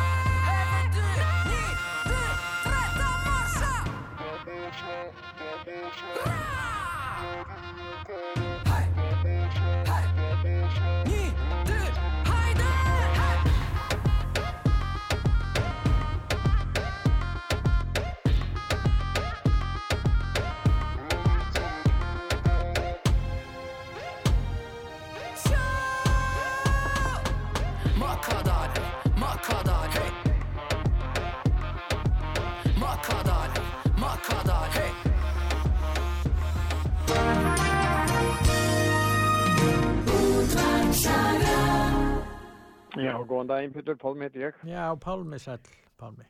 Herðu, þeir komið þarna inn á skemmturett málefni með virkjununa í, í Reykjavík. Já, þeir gerðu það. Ef hún eh, Júlí. framleiðir, sennilega nær hún að framleiða 1, kannski 5 megawatt, kannski meira með að Já. þá er hún að velta um 100 miljónum. Já. Og það munar kannski hitt um það fyrir samfélagið. Það munar, já, já. Það En, en hérna, menn sem þarf að ganga þannig um umhverfið eins og, eins og þessi stjórnar Reykjavík, þá eru 100 miljónir eitthvað sem skiptir ekki máli með við bragga framkvæmdina og ímislegt annað hjá þeim. En það er verið að tala um að það þurfa að kenna unlingum fjármálalæsi og kenna í skólum, en þarf ekki að taka bara stjórnmálamenn í, á námskeið í fjármálalæsi? Hvað segir nú það? Jú, ég held að þessi alls ekki fættir margir með það. Það er engin fættu með þetta út af fyrir sig. Ég meina, menn þurfa ekkert að skamma sín fyrir það, að byrja á því að, að þegar þeir sem eru kjörnir og þinga í sveitarstjórnir, að þeir fari bara á ákveðin námskeið í fjármálalæsi. Við höfum nógu, nógu marga frædimenn á þessu sviði til að geta uppfrætt þá um svona grundvallar atriði varðandi fjármálin. Já, já, það er alveg rétt. En, en í sambandi við raforkumál á Íslandi, Pétur, þá er þetta margt búið að vera með drauga ganga því að þetta ágæta ríkisfyrirtæki okkar hérna ramasveitur hjá, hjá ríkinu að þær komur heimlega veg fyrir það að, að bændur væri að virkja lækina sína. Já, já. Það var mjög sniðut sístan sko og þú, þú máttir virkja en þú vorst að tengja það inn á inn á línuna hjá þeim að kaupa svaðin. Já. Þetta var alveg bara sniðut sístem. En, en í raun og veru ættum við að virkja hvern einasta læk sem hægt er að virkja án, án, svona í flest tilfellum án, með mjög litlum skemmtum Já. og svo þessi nýju hverla sem eru komnið sem er bara sökt onni í án, árnar og þeir snúast þar og, og það er sérst ekkert fyrir þeim Já. þó að þeir framleiði ekki mikið Pétur, þá telur þetta ef þetta er á mörgum stöðum Það er sjálfsögðu. Og þetta eru sem er bændur að gera, þetta eru sem er bændur að gera, þeir útvega sitt, eru Já. sjálfur hérna með sitt ramagn og Já, ramagsframleiðslu. það er reynda búið að breyta þessum furðulegu reglum sko, að Já. það sem þú framleiðir umfram Já. sko, þá máttu tengja það inn á línuna Já, já. og selja. Það er, það er, það er nú í raun og veru ágætt leið til þess að, að hérna, hafa tekjur, það er svo leið, það er rétt. Já, það væri, Östafjöldur Ívers, það væri hundruði bændar sem að gætu haft bara góðar tekjur Já. af litlum virkjunum. Já, ég hugsa þessi rétt, já. Enda eru þeir að því, sumir. Já, reyndar, það eru, það er, en það er engin kvartning, sko, það er engin, engin hérna velun í bóði að hjálpa þeim að, að gera þetta, skapa verðmæti og, og, og, og auka tekjur síðan og sveitafélagsins leið. Nei, Sko, kvartin er ekki frá ríkistjóðin allavega. Nei. En, en hérna ég, hérna ætlaði bara aðeins að koma inn á þessar kostningar að, að mér finnst nú alveg magnað að fyrsta lagi dagur vilist alltaf halda borginu og öðru lagi finnst mér alveg magnað þegar flokkar er að bjóða fram í nafni þeirra sem að ræna þjóðina eins og þessi seldu bankan síðast. Já. Þetta er, við erum til að setja skagafyrði, við erum með tvo menn sem ítt á græna hnappin við sölun á þessu. Sagt algjörlega sammála. Þeir eru hér, þeir eru hér sem skrautfæðri hjá tveimur flokkum því að þeir hafa staðið sér svo askuti vel fyrir þjóðina. Hvernig er, er hún spennandi kostningabarata fyrir Norðan? Segðu okkur frá því, Pálmi. Já, ég held hún sé bara, Pétur, eins og alls staðar annars staðar, dálítið mikið spurningamerki. Það sé hreyfing Já. Og Guðs, uh, það væri nú alveg Guðs sökk bara ef að það færi nú að verða einhver hreyfing á atkvæðunum á Íslandi, menn hafi ekki áskrift af þessu Já. eins og þetta hefur verið. Já. Og þá er kannski möguleiki, Pétur, að við fáum líðrað á Íslandi á eftir. Já, þokast í þá áttina mennar. Já, ég held að þetta væri stæsta skreiði átt að líðrað ef að, að atkvæðin fara, fara í ímsar áttir sem er reknuð ekki út með. Það En er- hverjir eru þannig skagafyrir? Hverjir, hverjir, eru, eh, hverjir eru það sem er í meiri hlutanum? Ég manna ekki. Nú, það eru náttúrulega bankasölu flokkarnir allir þrýr. Já. En það er engin Já. samfylking hér í frambúði, en það guðsilof, það er á ein, einum arminu færra. Er Og engin er hérna- samfylkingamæður í frambúði? Hver, hvert fara þau atkvæði? Eru þau ekki til? eða? Já, eitthvað af þeim hefur nú farið úr á vinstri græna. Já, já. En, en hérna, svo er hérna skagafjörðalisti sem er svona fólk bara hingað og þangað að úr, úr pólitíkinu og sem sem aldrei hefur komið nálega pólitík og, Já, já. og hérna, Á hann möguleika, skagaferðarlistin? hann var með tvo menn inni sér. Já, já, já. Þannig að, að hérna, Og er þeir ég reyna að- vona það að, Að- Já, ég vona það bara að sveiflan sem að er á ferðinni hérna, hún fari á hann en ekki gömlu listan og það er engin sveifla. En eru þá, þú ert búin að tella upp fjóra lista, eru fleiri? Já, nei. Þeir eru bara fjórir. Já. Já, já. Þannig við erum ekki með svona eins mikið valkvíða eins og reykingar. Nei, nei.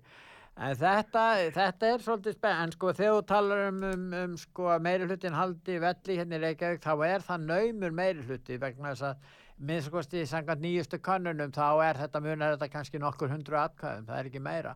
Þannig að, að það getur, ég held að meiri hluti falli á lögadaginn. Ég, ég, hérna, ég bara vona það fyrir hönd þjóðarinnar því að nú er þetta borgarstjóri vill enga samgöngur við dreifbíl. En það er þó að meiri hlutin falli, segja, þá getur vel verið að hann verði borgarstjóri ef hann fær til sín einhvern úr meirihlut, minnihlutanum til sín til þess að viðhalda meirihlutanum eins og hann gerði síðast með viðreist, það er hugsanlegu möguleik. Já, já. Svo náttúrulega er möguleiki að viðreist hafi vitsmunni til stakka honum fyrir samverjuna. Já, sko, það er spurning, þeir, þeir fengu tvo menn, ef þeir tapa einu manni, þá er spurningin hvaða áhrif það geti haft. Þeir, þeir eru ekkert öryggi með tvo menn inn núna, þannig að, að það getur, heldur, heldur Pétur að þeir blæði þá fyrir, stjórn, fyrir stjórnarhætti dags? Njá, það er ómöld að segja hvernig þetta er, því að þeir fengu, uh, menn er að tala um að píratar bæti miklu við sig og, og það getur vel að þeir taki einhver atkvæði frá, frá samfylkingunni og, og hérna, svo kemur sósilistaflokkurinn inn í þetta, Só, ha, þessum flokki er, er spáð talsverðu fylgi, það er spurningin, gæti sósilistaflokkurinn stutt uh, uh, hérna Dag Bjeggesson til að vera borgarstjóri áfram, gæti það farið svo? ekki, myndi ég nú segja að það væri nú líklegt. Nei, nei. Ég held að það sé ekki líklegt Pétur. En heyrðu tími líður og... Og ég þakka þér fyrir Pálmi að ringja til okkar. Blessaður.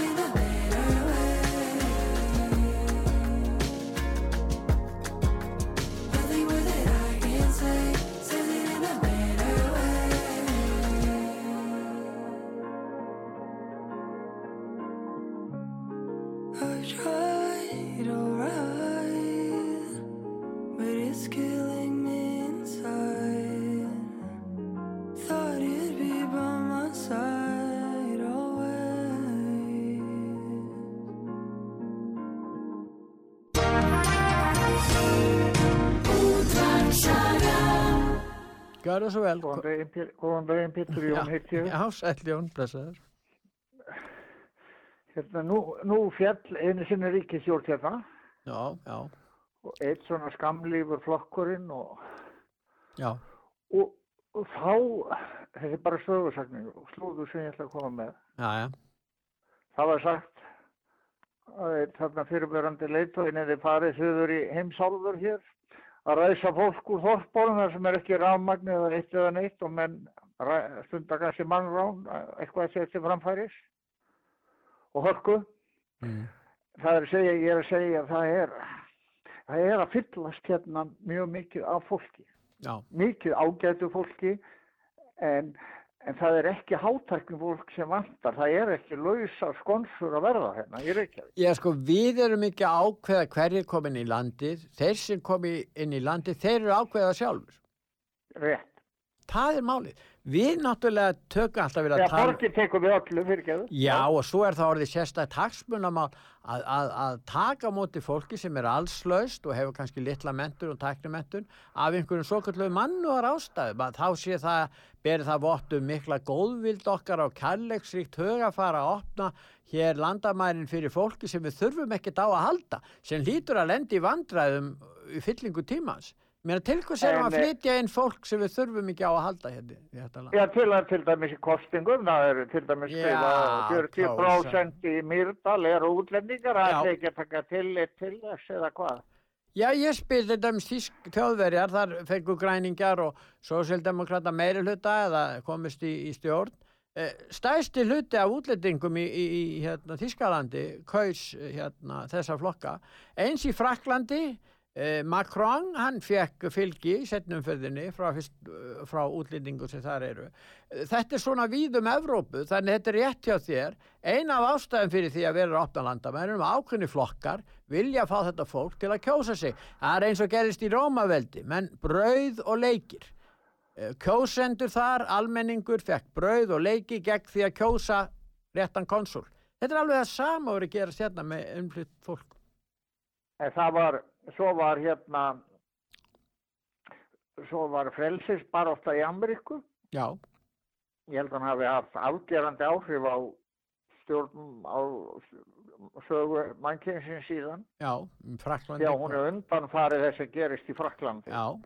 Þessi afturhaldsþjóðir vilja náttúrulega berja á englendingunum og þar, en Englandi var komin svo hefð að ef menn allir, kongur vildi fara í stríð, þá erum við með buttun og við viljum vita hvað allar kongur með ekki tröstandi. Alls ekki mikið af þeim.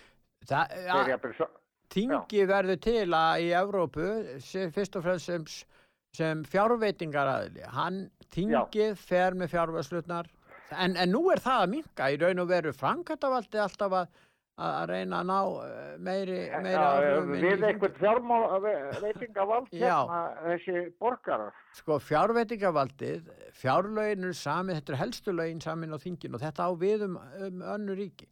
Það var þess vegna fengum við þing á Vesturlandum til þess að, að almenningur gæti hérna, stýrt í hvað væri gert við þessa fjármunni sem að væru þetta var undiróttin á uppreisni bandaríkjum þegar þetta er lögin í Breitlandi sögðu, allir ekki að veita okkur þennan rétt sögðu. Já. Og fóru í uppreist. Já, já, þeir fóru uppreist. Þeir þetta, þegar hafa verið að setja sko skatta á teinflutning eða útflutning Já. líka. Þannig að... Það er ekki bara, ræða við okkur um þessi skatta. Nei. Nei, nei. Nei, nei, það er nú svo. Men, en hey, voru þá menn meir, voru þá uh, hérna uh, fólk líklegra til þess að, að hafa meiri ástríðu til þess að vera frjálsir heldur en nútímamaðurinn sem að sætti sig með nánast hvað sem er eftirlit Já, samfélag sem ég hækkar finnst að stöð það er skatt meiri ástæð til þess, sko, að margu leiti, já. Samt voru þetta- verri, en þegar menn vildu frekar hafa verri lífskjör og meira frelsi, nú vilja menn meira öryggi og, og tryggingar frá hennu opinbera frekar en frelsi. Er ekki breyting? jú, eitthvað vant að ég þetta dóldi mikið. Já. Það var svona nýr mannkinn frelsari á um, frettablasins í blasið Já. 2 nýlega. Já. Hann skrifar um leigusala djöflana Já. og hann, hann segir að leigufélugin séu sko orsakavaldurinn en ég held nú að það séu útlendingandi þegar þeir vilja að leigja herbergi á 200.000 og svona frekar en að fara á gisteheimili, kannski við hliðina eða, eða á hæðinni Já, já. og en þessi leigufélag voru bara til sölu fyrir nokkrum árum fyrir, eða öfstustu síðan fyrir einhvern smá pening Er ekki, ekki mikið er ekki komin í kauphallina mörg? Jafnvel, en þau voru föl og það var þetta að koma allir þessum íbúðum af sér en það, það var eins og með hvað í litlu gulu hænun það var eitthvað engin tilbúin að fara í að baka þetta brauð. Nei, nei. Nei, nei. Fyrirgeðu Pétur. Takk að fyrir að ringja. Look where we are.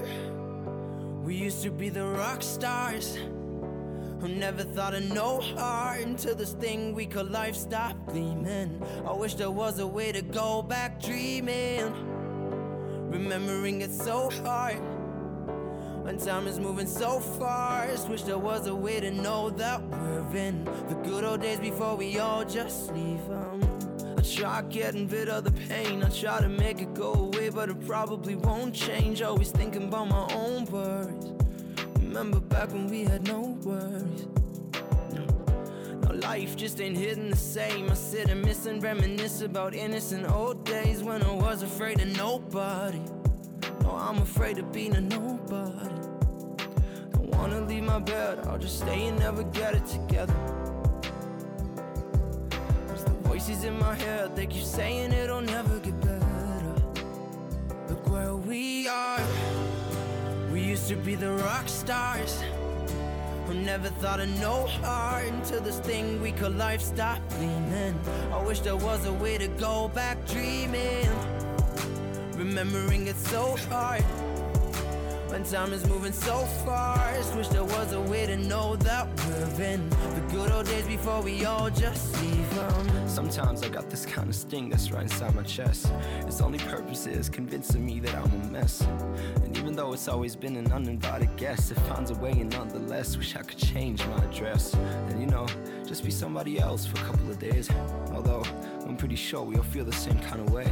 Cause if you think about it, aren't we all set in a place where we look back at better days and wish they weren't so far away? I wish that I could just go back and be the way I was. I wish I'd still not give a damn about how I come across.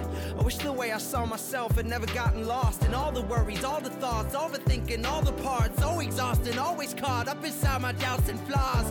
And I'ma count them all. Somebody catch me, I'm about to fall. Yeah, I'm about to fall. Can we press pause or do a restart and be who we are?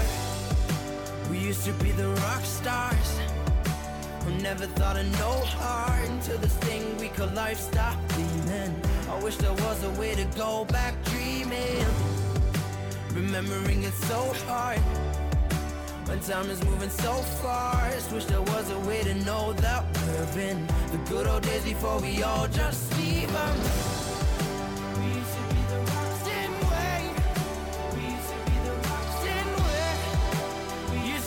Rock stars. Yeah, we used to be the rock stars. Remembering it's so hard when time is moving so fast. Wish there was a way to know that we're in the good old days before.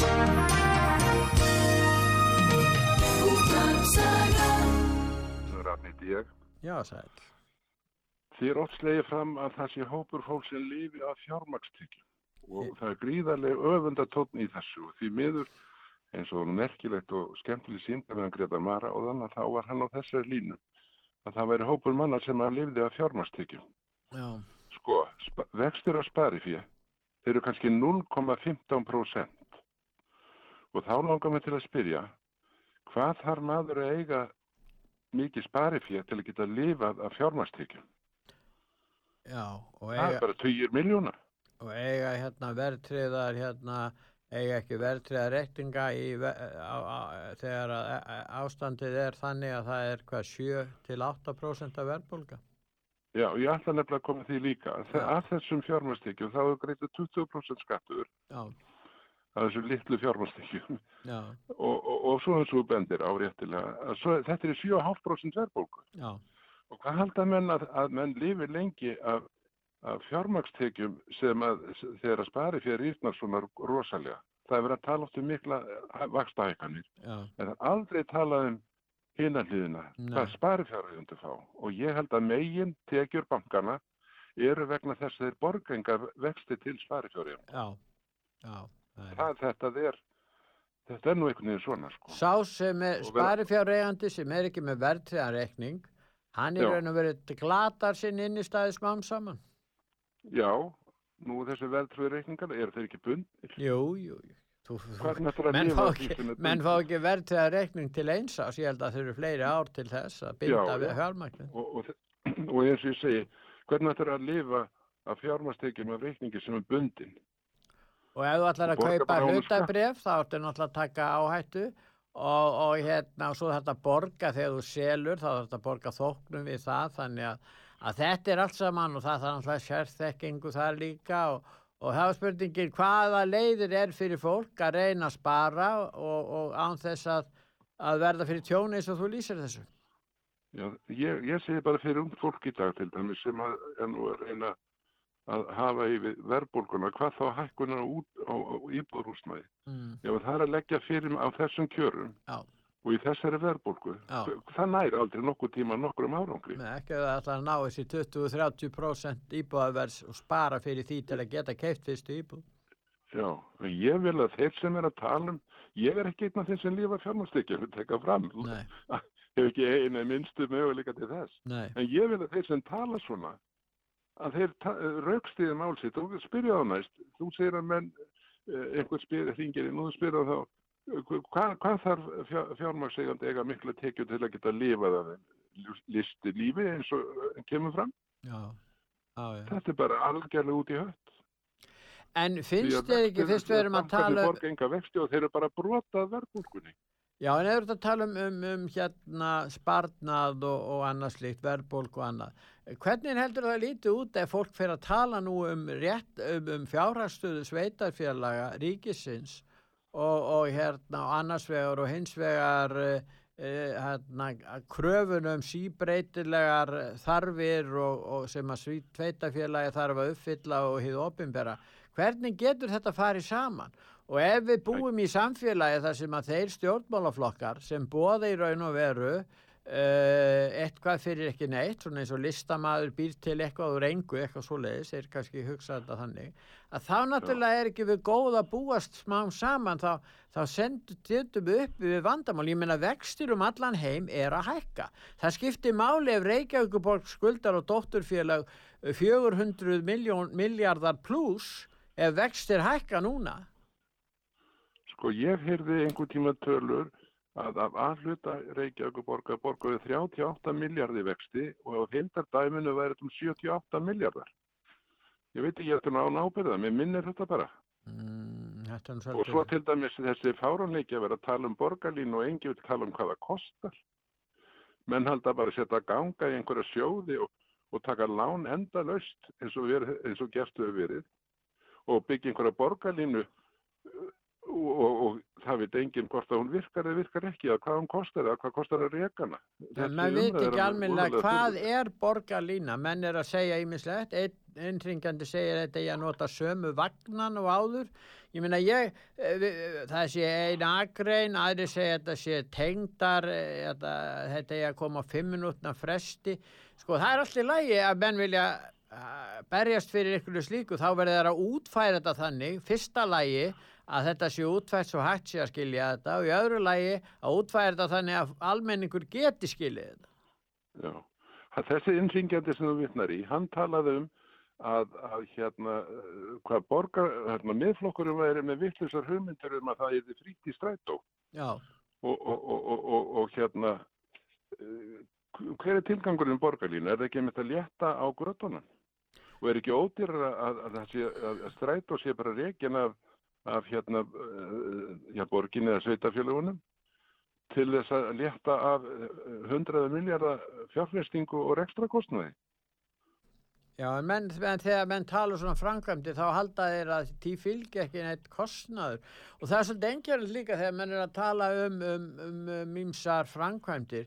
Þeir ger ekki ráð fyrir fjármaskostnaði það er, svolítið það er mjög algengt. Og þegar þessi fjármaskostnaðir hækkar verulega við sjáum það núna, sá sem allir að standa í byggingu þá kemur það, það er lóðakostnaðurinn það er fjármakskostnaðurinn það er, menn eru varna fallir að partin að byggja og þá er búið að eyða ansi stóru hluta af húsnæðisverðinu bara, menn eru valla konur upp úr, úr söklónum sko. Já, Ég segi fyrir mig, Pétur, ég byggði mitt eh, hús eh, sjálfur á sínu tíma Já. og var svo heppin að allt þetta fargan sem er komið í þessi mál í dag, Já. Það var ekki til þá. Nei, Ég byggði húsið sjálfur Já. svona, og, og fekk þrjá menn, einn bíbara, einn Já. smið og einn múrara Já. og svo heldum við bara áfram. já, Það var búið að fá lóðina. já, En í dag er þetta alveg meiri háttar mál fyrir þá sem að reyna að byggja hús. já, þar kemur til, það er svo margt sem kemur til, lóðaskorturinn, miklu dýrar, lóðir voru almennt um 4% af kostnæðaverði egnar áður fyrr, Núna er þetta komið vel yfir 20%, 20% pluss. Síðan eru þessar reglugerðir og tilskipanir frá Evrópusambandinu sem gera, gerir húsnæði miklu dýrara og það er ekkert sem betur til þess að, að nýju eignirna séu vandaðri. Það er heilmikil mikla í nýjum húsum út um allt. Þannig að, að þetta er bara staðreindir og þetta, þetta, er, Já, þetta er já. alveg hörmjöld að hugsa til þess að þetta er nú bara eins og þetta er. Þannig að húsnæðistefnan er bara, hefur vesnað þegar á heldina litið. Það er alveg, það er engin spurning. En mér langar að minnast þú eitt. Það er sundabrautin. Já. Við, sko, Reykjavíkuborg fór að byggja yðnaðkverfinu niður í Súðavogi Já. og eiðilaði þar með innkomi sundabrautar inn í, inn í borgina.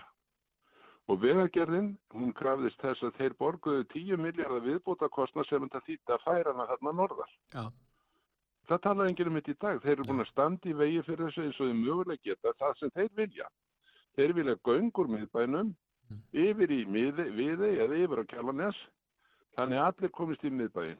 Við skulum bara sko draga andan djúpt og viðkenna það. Ef að meiri hlutin í Reykjavík heldur velli og þetta áfram, það verður aldrei farið í sundabrautina. Punktur. Það, Já, það er það, það verður ekkert gert og, og, og það verður ekkert gert í þessu máli, það verður farið út í hverja borgarlínu, það verður ekkert farið út í þessu, það er búið að fresta þessi í 30 ár og þetta verður ekki gert og þeir segja já 2035 eða hvernig sé þeir þannig að þeir bara halda áfram að draga þetta langin. Það eru þarna ákveðin aðla sem vilja ekki fá sundabrautina því að það myndi Já. opna fyrir íbúðabyggð á kjalanissinu og annar staðar þar sem myndi draga úr viljanum til þéttingar byggðar sem eru þetta miklu dýrari. Því þeir sem eru að kaupa íbúðir þar sem við verðum að þétta byggð, er, það er miklu dýrara, miklu dýrari leið til þess að byggja. Og það er ekki nema að það náttúrulega dregur það uh, sá hópur sem getur keift þannig íbúður, hann, hann mingar þannig að sá hópur verður bara að fara á leigumarka og það er kannski sumir sem vilja hafa þetta svo er heilmikið pláss fyrir uh, uh, uh, lóðapláss inn í Úlfarshórta Já, já, líka. og ef að fólk keirir nú bara keirir upp í Mosó Já. og horfir á alla þá byggð sem er komin ofan við ártónsbrekkuna fjöldin allra fyrirtækjum og stór fyrirtækjum og öll byggðin. Og þetta það er ekki lítið. Reykjavíkuborg og þeir sem stjórna þar þeir einblýna bara á miðbæinn. Vilja fá skrautlegt torg þar og, og svona. Þetta er voðalega ég vona það veri óskandi að fólk hugsaði eitthvað út í hvað að kjósa eða kýsa þennan meiri hluta Ég meina ef við erum að fara Manhattan leiðina Manhattan leiðin að- fara Empire State Building sem var 100 fæða bygging á sínu tíma hún var byggð 1930 eitthvað minni mig. Þannig að Já, þetta já. var alveg einstætt dæmi. Manhattan áætlunin öll hún er að að byggja þetta svona er gert af, af illri nöðsin Það er vegna þess að þeir vantar svæði. Við erum, við erum með svæði, já það er einkennilegt. Við erum með nægilegt svæði hér. Í raun og veru er þið Akranes útbær frá Reykjavík í framtíðinni með að sundabrautin er þið lögð. Það er þið mjög stutt að fara frá Akranes til Reykjavíkur ef að sundabreyting kemur gegnum svo kvalferðagöngin. Þannig að það myndi alveg breyta stöðinni og Kjalanesi myndi byggjast upp og þar Já, já. myndi náttúrulega þjónust og annað byggja, þannig að það myndi dreifa byggðinni. Þannig að þetta þessi byggð væri ekki eh, komið fyrir hér í, á litlu svæði hér í miðbænum. Já, Öll þjónusta, óbember og annað slíkt. Við ætlum að heyri fleiri um þakka fyrir að ringja. endilega, blessaður.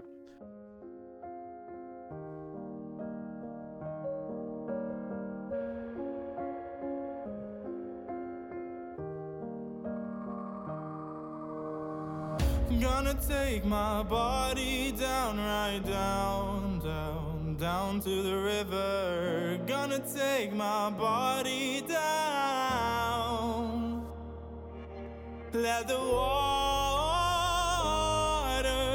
carry me away, just float away. Oh.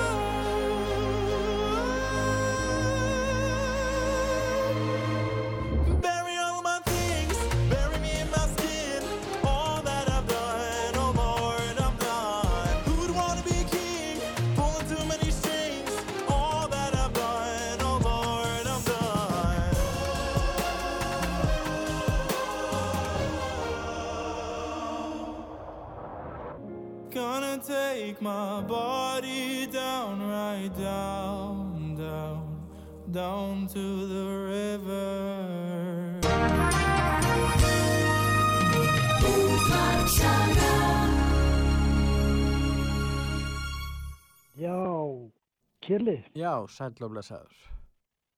Blessaður, heyrðu. Já. Mér líst illa það að ef að þessi borgarstjóri verður aftur borgarstjóri. Nú, hvað er það þá? Já, betur hann er að beina aðgang að falluðum og eldri farþeg, eldra fólki aðganga sem hann ætlar að gera á miðbænum. Já. Bara gjössalega út í loka okkur. Með því að loka allir götum og, og, og svona. Ef að þú þart að fara til dæmis í öst, já, fara hún í bæ og að vest, já, hve- hvernig, hvernig, hérna, já, þú ætlar að fara á laugavegin, neðarlega á laugavegin. Hvernig, hvernig Ég, ferð, ég, ég kemst það ekkert nema bílnum sko. Nei. Nei. Og ég til dæmis, ég get ekki tekið strætó af því ég get ekki ferðast með strætó. Já, nú er búið að loka sko laugaveginum frá frakkastíg og niður eftir veginum, Já, já. En, en spurningin Ég- er, nú verð allar að loka frá frakkastíg að snorrabraut, það er næsta, næsta, Er næsta það ekki áfang. alveg að hlemmi? Jú, síðan verður frá hlem, síðan frá, frá snorrabraut, eh, já, upp eftir, ekki bara hlemmi, heldur að mjölkustöðinu gamlu heldur. Já, og svo, ég bý á Rórastílum. Já. Það er beint á móti lorglustöðinni Já, og ég er með enga stæði fallað, já. hvar á ég, hvar á ég að leggja bílum mínu þá? Já, en þú, það sem meira er, þú færð ekki, ef þú spyrð þessara spurningar, þá færð ekki svör við spurningunni. Nei, það er málið. því? Það er, það, það er, það, það er eins og hún sé, sé eitthvað illa við falla fólk. Nei, það er... Já, nei, Nei. Ég, sko, ég veit alveg hvernig maður þetta er. Uh, já, er, er þetta ekki bara einhvers konar stefna, einhver hjólreiða Stefna. sem hann Já, bara eðalegja allt fyrir fólki sem þarf á bílum að halda og til að komast En heima og sér getur, við og skulum bara tala raunæft um þetta keli eins og þú ert að gera.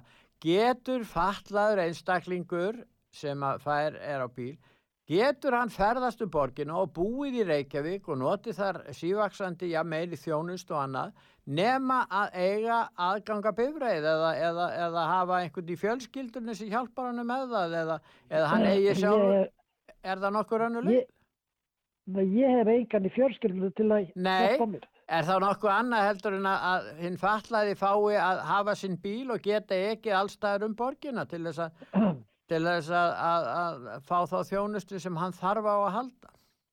Nei, Guð hjálpi þér, nei, það held ég ekki. ég, sko, er, sko, ég veit ekki hvað fólk, sko, ég ætla bara að vona það að fólk fara ekki, ekki að kjósa, sko, það og hann búin að vera svona áróður gagvart lokonu hérna hjá honum og fólkinu sem er í Já, sem bara heyrir í útdarpinu já, og sjá þessa te tekníkar það hefur verið farið inn á lem ný, þarna matsölustafinn og séð ekki, þá getur þú séð tekníkarnar af lemmi þar það verður já, já. En, en sko, má, málið er það, Keli, að fatlaður maður sem býr í útkverfi, hvernig á hann að komast á landsbítal? Nú verður aðal sjúkrahúsið, það við verðum hérna, sjúkrahúsið verður hérna í, við, við, við ringbrautina. Hvernig á í, fatlaður maður í útkverfum, hvort sem það er í Breiðholti eða annar staðar, eh, þarna í útkverfunum, hvernig á hann að komast á, á nýra landsbítala? Þá vantala með strætó, er það ekki? Jú, sumir get ekki ferðast með strætó Nei, nei. En það hann, er bara málið en, en hérna, en, en, það er spurning líka hvort að, að eh, hvort að hann geti með góðu móti nýtt sér strætó í svona sínu ferðum. Hann þarf kannski að fara á fleiri staða, hann þarf að fara í apotek, hann þarf að fara eh, á spítalan, hann þarf að hitta lækni, þetta er á ólíkum stöðum. Hva, hva, hvernig ná hann að fara að? Taka strætó og býða eftir strætó á hverjum stað og, og strætisvagnir fara ekkert inn í hverfin, þannig að ég veit ekki alveg hvernig þetta er hugsað. Nei, þetta er nefnilega málið sko Já, þetta er alveg svakalegt sko. En ertu, er já, sko- já, það er kosi núna, nú eru kosi á laugadaginn, þannig að það heldur að verði Já. nýr meiri hluti, eða skoðanakannu segja að gamli meiri hluti er haldi velli, hvað segir það? Ég, ég bara vona að fólk hugsi rétt bara, bara eina sem að ég, ég hugsa núna, fólk reyna að hugsa svolítið rétt og, og hugsa sinn gang í þessu öllu samargu. Þakka ég fyrir kér. Hókaðinu, já, Blessaður. bara.